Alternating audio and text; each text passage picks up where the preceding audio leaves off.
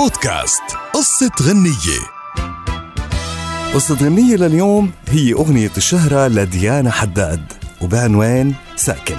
الأغنية اللي كتبها الشاعر عادل رفول ولحنها جورج ماردورسيان بقيت بالأدراج فترة طويلة وبعض الفنانين اللي سمعوها من الملحن ما قبلوا يغنوها. هيك بيقول مؤلفها.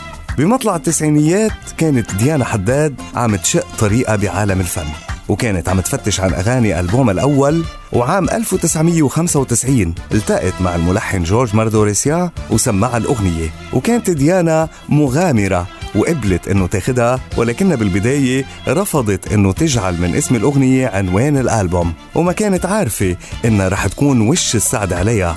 وبمفارقة عجيبة بيقول رفول إنه سيمون حتشيتي وقبل فترة قصيرة من قرار ديانا بغنائها كان ناوي هو يغنيها ولكن ديانا سبقته. وما حدا كان متوقع النجاح الساحق لهالأغنية خاصة وأنه ديانا أدتها بإتقان كبير. جعل الأغنية تكتسح أغاني سنة 1995 و96 كمان وتعطيها الشهرة العربية والخليجية الواسعة ديانا اللي دخلت من الباب العريض من خلال كليب الأغنية أيضا قالت بأنه سيمون حتشيتي بيقول بعد ما راحت منه الأغنية عوضني الشاعر عادل رفول بأغنية عليم الله اللي أيضا حصدت نجاح كبير.